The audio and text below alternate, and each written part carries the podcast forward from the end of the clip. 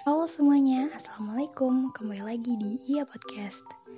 Nah, kisah inspiratif kali ini datang dari Mbak Angki Yudhistia.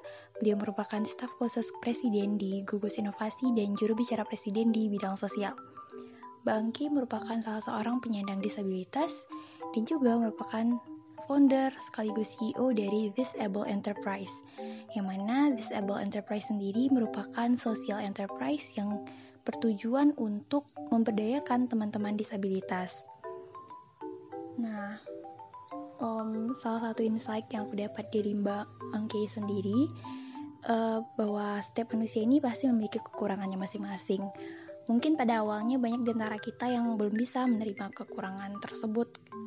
Nah, oleh karena itu, langkah awal atau langkah pertama yang harus dilakukan adalah berdamai dengan diri sendiri menerima kekurangan, dan memanfaatkan kelebihan.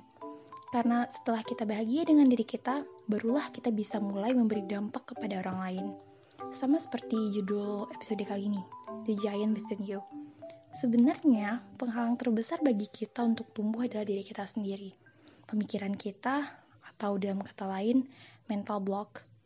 Karena itu, kita perlu menghancurkan penghalang itu agar dapat melihat dunia yang lebih luas agar kita menyadari betapa berharganya diri kita dan seberapa jauh sih kita masih bisa bertumbuh dan bermanfaat bagi orang lain. Karena bisa jadi ternyata kekurangan kita justru adalah kelebihan kita. Contohnya aja Mbak Angki.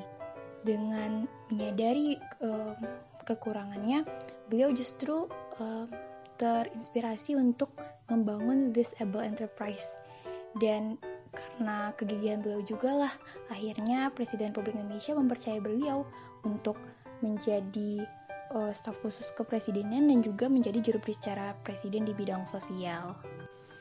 Insight lain yang bisa aku dapat dari Mbak Angki yaitu beliau cukup gencar menyuarakan pendapatnya tentang keinklusifan terutama bagi para penyandang disabilitas. Yang mana bahwa disabilitas itu punya hak yang sama dengan orang-orang lain.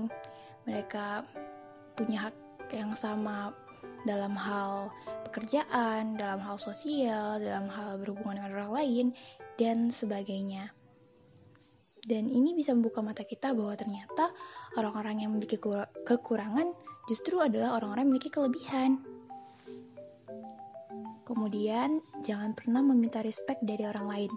Jika orang-orang di sekitar kita tidak mau menghargai kita, maka artinya lingkungan itu bukan tempat yang tepat bagi kita. Kita harus mencari lingkungan yang menghargai dan menerima kita apa adanya.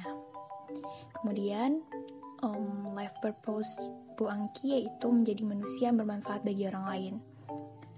Bagi beliau, menjadi entrepreneur bukan soal mencari kenyamanan, banyak ketidakpastian akan masa depan atau gray area dalam hidup ini.